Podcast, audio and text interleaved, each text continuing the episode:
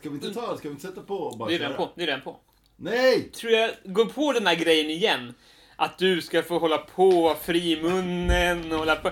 Utan att jag spelar in. Aldrig mer. I munnen, ja. Som israeliska flygvapnet säger. Never again. Never again.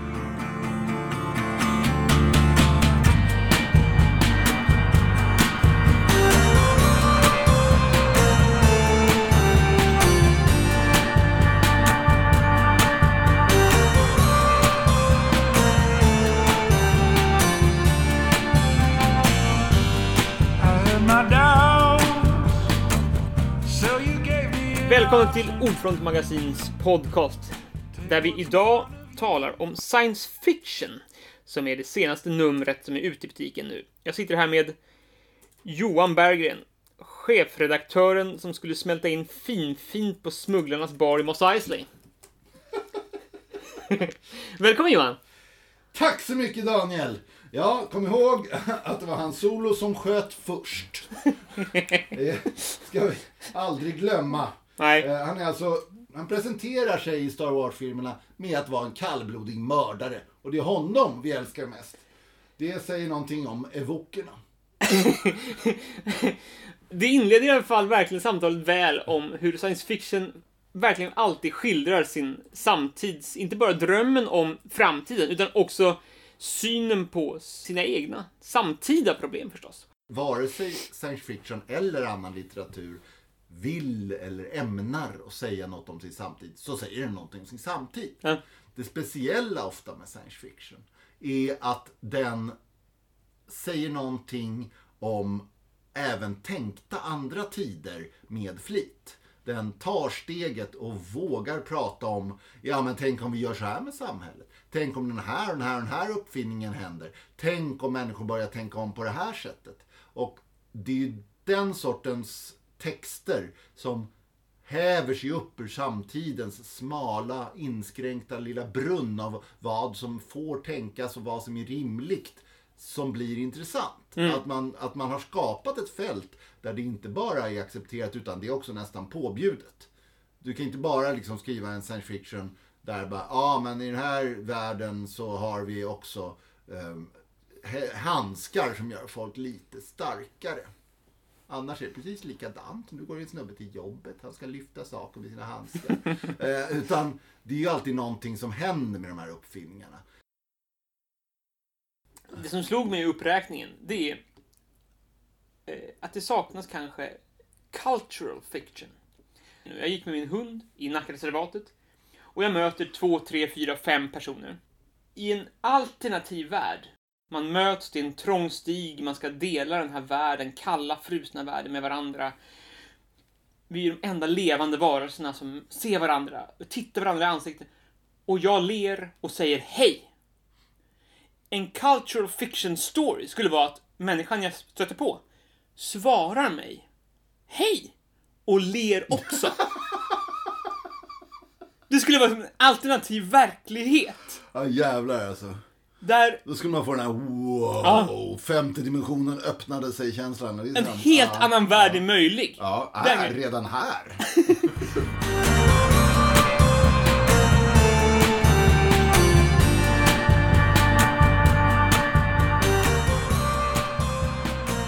Det intressanta är, vad, vad jag, som slog mig när vi gjorde det här numret var ju att det finns en aspekt med science fiction och det var en stor undersökning, läsarundersökning som gjordes i Storbritannien där då tusen vana litteraturläsare fick läsa ja, två kontrollgrupper hur de nu gjorde det. Men det var två likadana noveller, men i ena texten låg det science fiction ord i. Så istället för hiss var det liksom fusionstransformatorn, istället för bil var det antigravitationstransporten. något. Men annars var det samma novell. Samma utveckling, samma psykologiska karaktärer och sådär. Och genomgående så klassade de som hade läst det här den texten med science fiction-markörer som sämre litteratur.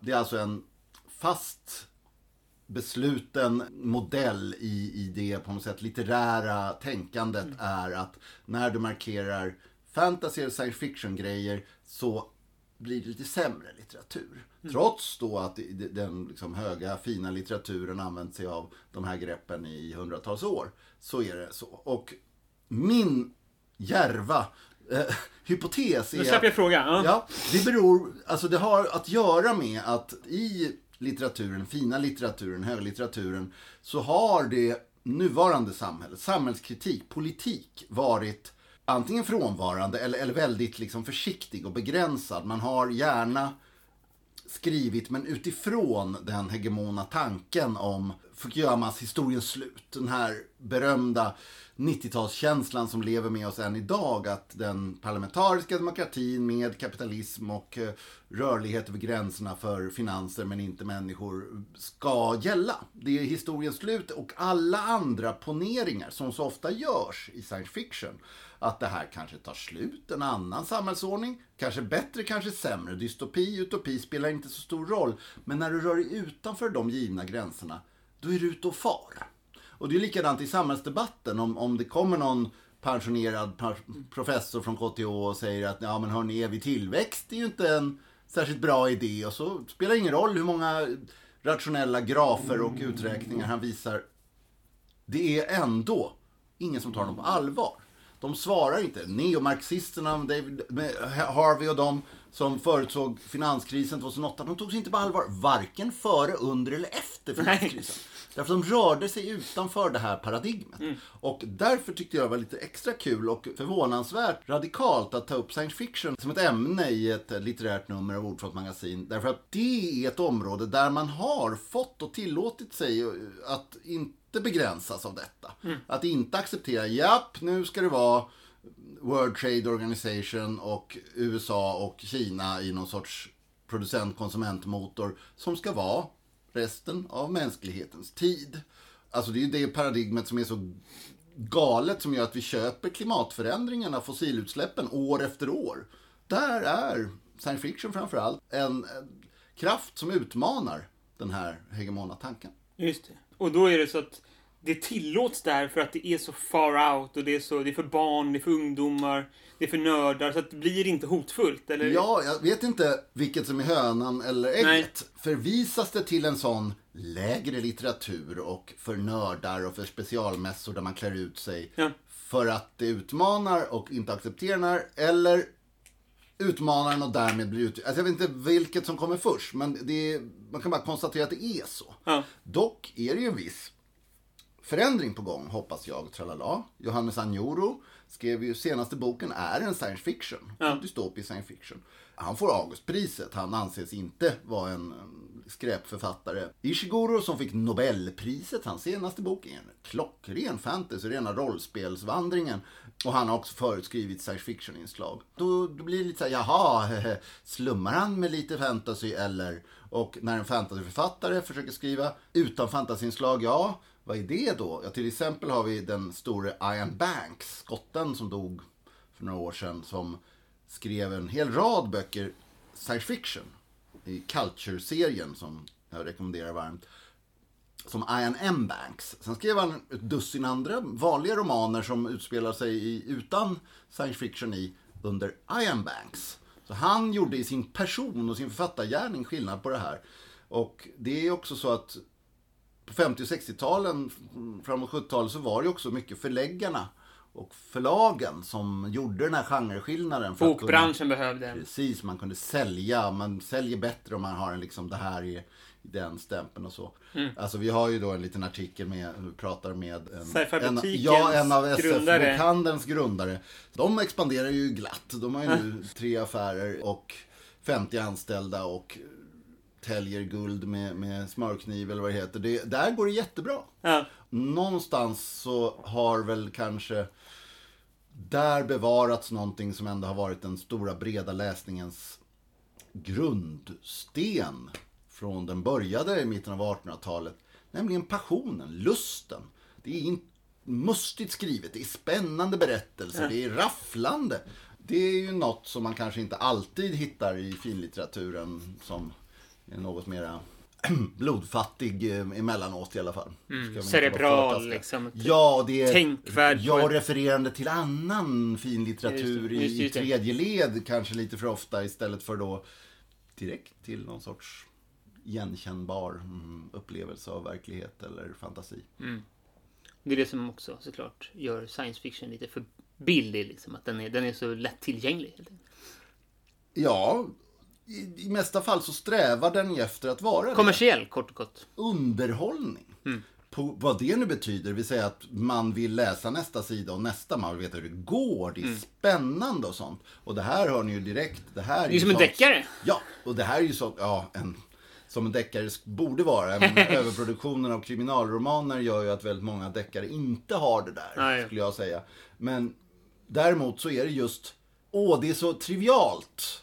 Så nästan löjligt, det här kravet på att det ska vara spännande. På att man ska vilja veta hur det går. Ett, ett ordentligt narrativ med, med liksom utveckling av cliffhangers, alla de här gamla 1800-tals liksom taken på hur man skriver en roman lever vidare och frodas. Nej. Det är naturligtvis fult.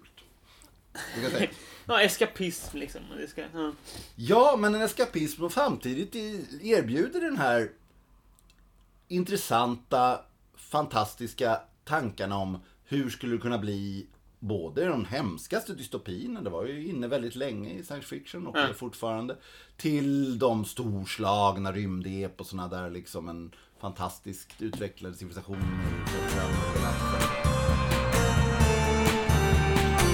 går fram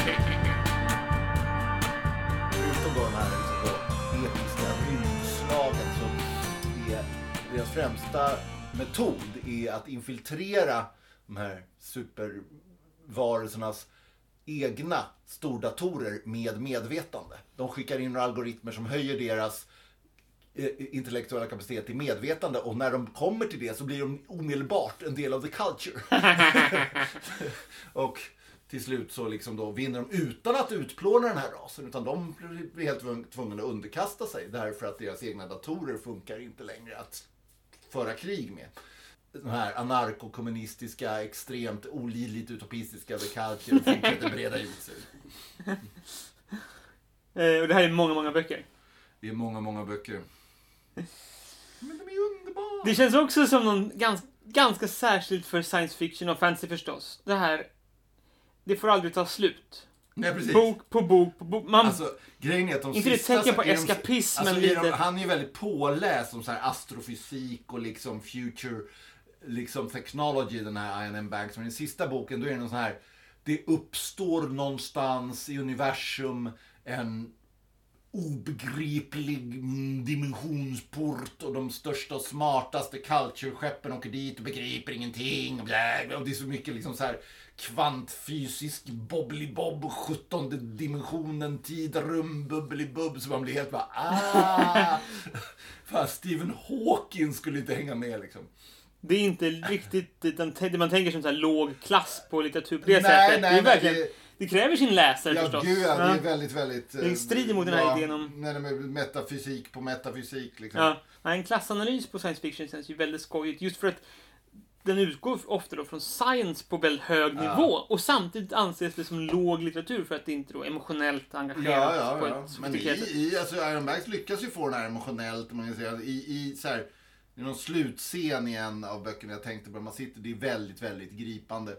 Då är det alltså en posttraumatiserad main-dator för en enorm sån här hubb med befolkning, med typ 20 miljarder befolkningar, tillsammans med en ödleleopard-liknande agent från en ras som blivit liksom besegrad av the culture men som är utskickade genom århundraden. De är otroligt långsinta. Och de har i århundraden låtsats vara i fred för att till slut slå tillbaka. Och han är utskickad att liksom infiltrera och slå till mot the culture i en fruktansvärd liksom attack. Men efter att ha bott där länge så skiter han i det och den här Hub-datorn och han har kommit till någon sorts förståelse och de begår ett ärorikt självmord tillsammans för de inser att existensen ibland är så värdefull att den är värd också att ta slut. Och man bara så här Shit, hur fick han till det här liksom? Wow. Ah, Ah, shit, shit, shit. Jag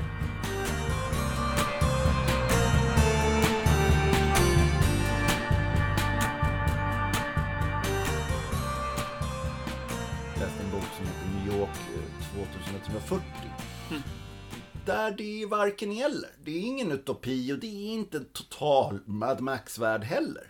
Ja visst, klimatförändringar har hänt, men det har också hänt en del uppfinningar som har gjort det bättre. Det har hänt några krig, det har hänt några katastrofer, men mänskligheten tuffar på på nya sätt. Kanske de har tagit sig ut i solsystemet då. Som i, i Expanse, som finns både som bok och, och tv-serie. Där man då har koloniserat Mars. Som strax har blivit en egen planetnation och inte alls vill bara hålla på och sända råvaror till jorden. Och man koloniserar asteroidbältet där liksom de värsta proletärerna utnyttjas. Där de lider av strålsjuka och gravitationsfattighet och eh, tvingas att liksom arbeta i gruvorna ute på asteroiderna. Men de gör förstås uppror då. Så att eh, ser man egentligen dagens samhälle genom en, en lins som är Mm. Och historiska samhällen, Sydafrika Ja. eller Kalifornien eller vad som helst. Ja, att kolonisera solsystemet enligt de gamla koloniala mönstren kommer naturligtvis utveckla ett solsystem som ser ut som, Liknande. som de koloniala mönstren idag. Ja, jag spelar ju det dumma rollspelet eh, Mutant Chronicles, där det är just kapitalismen har vandrat ut i solsystemet och det är väldigt snarlikt. Mm. Dieselpunk framtid. Just det. Det, för, det finns inga stater, det finns bara företag som står för säkerheten. Det minns jag var väldigt lockande. Så här. Enormt annorlunda, men enormt likt. Så det blev samtidigt så lätt att tänka vidare kring vår samtid. Genom att man bara försköt tiden framåt och drog ut samma utveckling. Ja, det finns ju då den här problemet med kapitalismen, att den måste expandera för att överleva. Och på den här begränsade jorden så ser ju då alla ett problem med det. Alltså alla, alla oseriösa människor som inte tänker realistiskt ser ju då att jorden har ändliga resurser. Så det går ju inte med oändlig expansion. Men om man då utvidgar det till solsystemet så kan man hålla på lite till. Ja, men det är det som är så... Eh, man bara extrapolerar för vår tid ut några hundra år i framtiden. Ja. Om man tänker sig att man ska få den här förtjusande känslan av att det blir annorlunda, annorlunda. ja. Så finns det också en tjusning i att, herregud, det är jättemycket som är lika tråkigt och lika likt. Ja. Som också får, sätter igång tankarna.